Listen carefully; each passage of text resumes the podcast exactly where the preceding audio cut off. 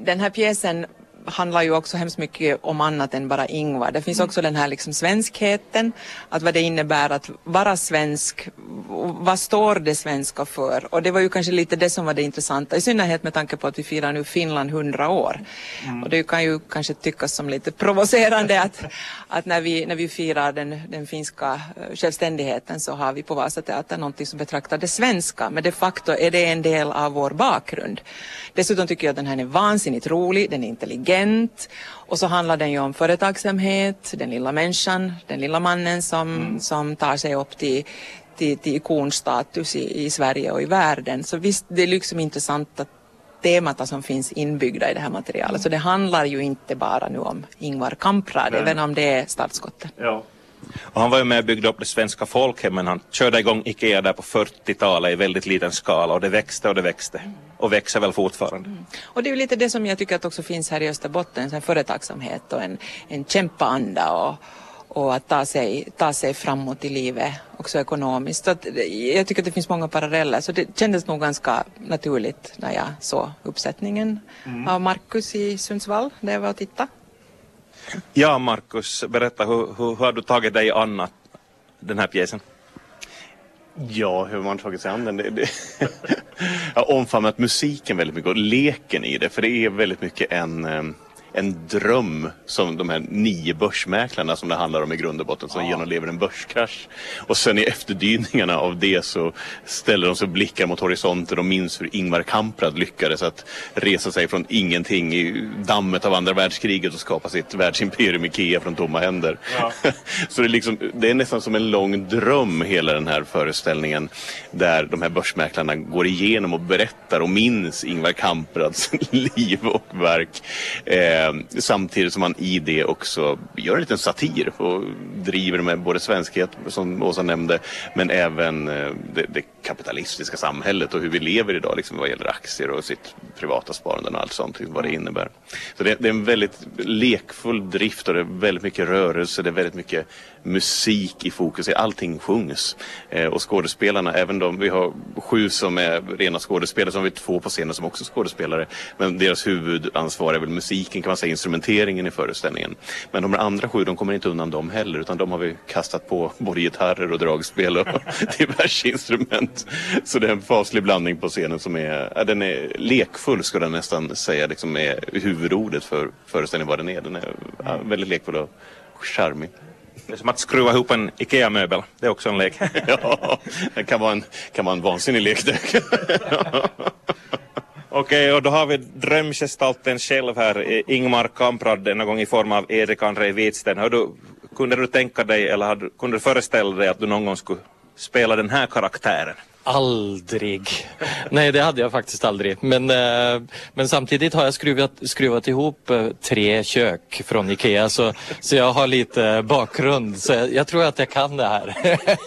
men, men, i vilken sinnesstämning går du inför det här? Då? Ska du hämnas på Ingvar nu då eller? nej, men, nej, men jag tror verkligen alltså som norrman och som, som uh, finlandssvensk och, så, så, så ser vi ju upp till, till Ingvar Kamprads eh, Eh, anda och hur han har liksom byggt upp det här. Och, och på något sätt så har vi ju pratat jättemycket om detta, det här med att vi, vi har ju alla den här eh, osäkerheten och du ska inte tro att du är någonting och allt det här. här. Och det, det har ju han på något sätt inte varit. Han är ju, han är ju en föregångsfigur som, som man på något sätt kan, kan se upp till. Både här som Åsa sa med, med folk som håller på med detsamma här i Österbotten men också på den norska sidan där vi har flera folk som, som jobbar mot det samma målet och där är ju han på något sätt en, en föregångsfigur och verkligen en drömgestalt. Mm. Så här har vi något att lära oss, verkligen. Ja, det har man ju. Sen tycker ju jag att den här, jag tycker ju att den här musikalen är otroligt intelligent.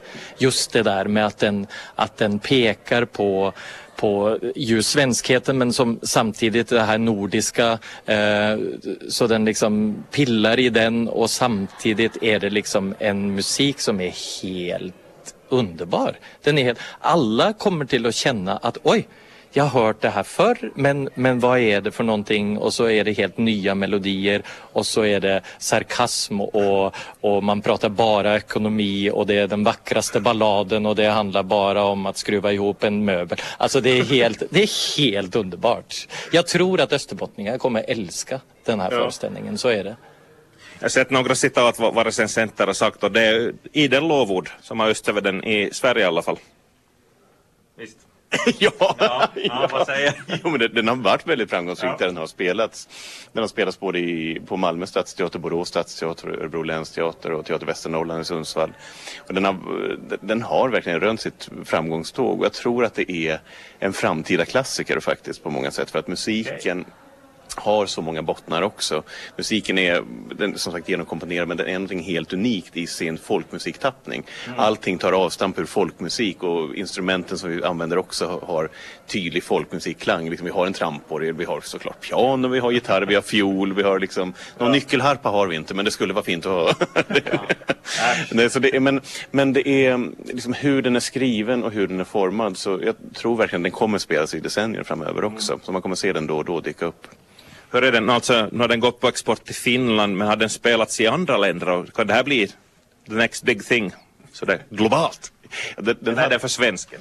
Nej, det tror jag inte. Den hade faktiskt inte ens en urpremiär i Sverige utan den, den skrevs på tyska från början faktiskt. Oh.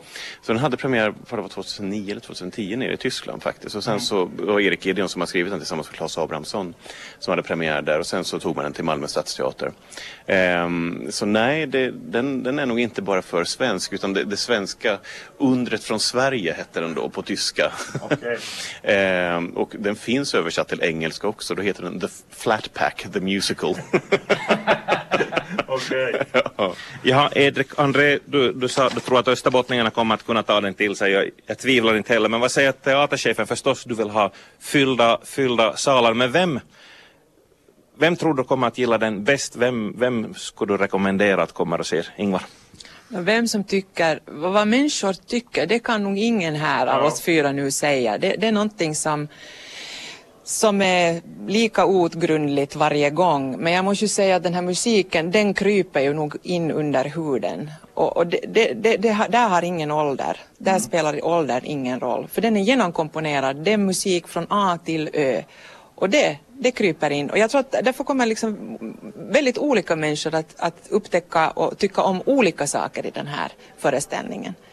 Så att när någon målgrupp kan jag nog inte säga utan alla människor som, som älskar det roliga, ja. eh, lekfulla skådespelare som vill höra ytterst fin, fin vacker, rolig Uh, inspirerande musik så ska nog ta sig hit. Så ser jag det. Men som sagt, det, man vet aldrig vad människor tycker om. Ja. Rykte får gå sen efter, efter premiären som förresten är när? 9 september har vi premiär på den här. Så det är en tidig premiär och så spelar vi hela hösten för fulla muggar. Ja. Det blir säkert extra föreställningar sen också. Ja, det får vi hoppas. Det får vi hoppas. När bör ni repetera här? Vi har ju börjat nu, okay. så vi, vi, är ju liksom inne i den andra veckan. Eh, men vi kör tre veckor nu i, i vår och så börjar vi första augusti och så kör vi hårt då fram tills premiär. Det, det är precis lagom. Jag tror att vi kommer till premiär Eh, förhoppningsvis välrepeterade men fortfarande med den här gnistan på att eh, nu måste vi få visa det här. Verkligen. Men jag tror Åsa har helt rätt att, att den här föreställningen drar sig in hos, hos alla åldersgrupper. Vi ska ju ha åttondeklassingar hit, jättemånga, nästan 3000 kommer hit och ska se den här. Och jag, när jag hörde det först så tänkte jag, åh, vad ska det, hur, ska vi, hur ska vi fånga den? Och så har vi varit på ett fan, en fantastisk repvecka som gör att jag mm. förstår att lekfullheten i föreställningen kommer dra in från barn till pensionärer. Verkligen alla kommer tycka, tycka, ha någonting här som de tycker är roligt. Mm. En eller två frågor än om Ingvar här ute i foajén så bjuder ni sen på kaffe och kanelbullar, alltså inte örfil utan riktiga kanelbullar och svenska flaggor. Men på vilka andra sätt kommer det här eh, Ikea-stuket in? Syns det i scenografin? Sitter ni och skruvar på kulisserna eller något, något sånt? Några plojor måste väl finnas med? Vad säger du Markus Virta, regissören? Jo, självklart har vi tagit tillvara på det. Eh, rummet i sig består av sex stycken pelare, nästan som en kyrkosal. Och de här är ju såklart sexkantiga som insektsnycklar. och det, och vi, har, vi har också insektsnycklar med på scenen. Vi har, möblerna, vi har möbler med på scenen så som, som levande gestalter. Så skådespelarna också spelar liksom fåtöljen Rut och ett skåp och en matta och ett bord. Liksom och sånt där. Eh, Så det, det, självklart, det kommer vi inte undan och det vill vi inte komma undan. Det vill man såklart verkligen omfamna och bada i. Så allting där vi har haft möjligheter har vi försökt spränga in så mycket IKEA-referenser som möjligt. Så det är faktiskt en äkta stol som är Rut från original 50-tal som vi ropar in på Bukowskis förra året. Så kanske någon jakt på den där sista skruven som gömmer sig? Eller? Ja men precis, jo, sånt, de får ju sina kängor också såklart för sina synder på det sättet. Med insektsnyckelallergier och allt vad det kan vara som förekommer. Hej, nu kommer jag på sista frågan om Ingvar. Har Ingvar Kamprad själv sett pjäsen? Har- Vet ni vad han tycker? Nej, han har, han har aldrig sett den mig veterligen och han, har, han har inte heller gett något godkännande. Det är därför den inte heter IKEA, The Musical till exempel. Den heter just Ingvar, en musikalisk möbelsaga. Så, och det är ju det man, man driver med hans livsverk och man, såklart, det finns Men kärleksfullt. kärleksfullt men också så tar man ändå upp de bitarna som kanske inte har varit så lyckade heller vad gäller skandaler kring skatteplanering eller hans fascistiska bakgrund och sånt också. Det, de bitarna kan man inte vika undan från heller så det, det kommer upp också så här, som en liten passus när han får kritik. För det, det är örfilar till höger och vänster i den här. men på ett väldigt komiskt sätt.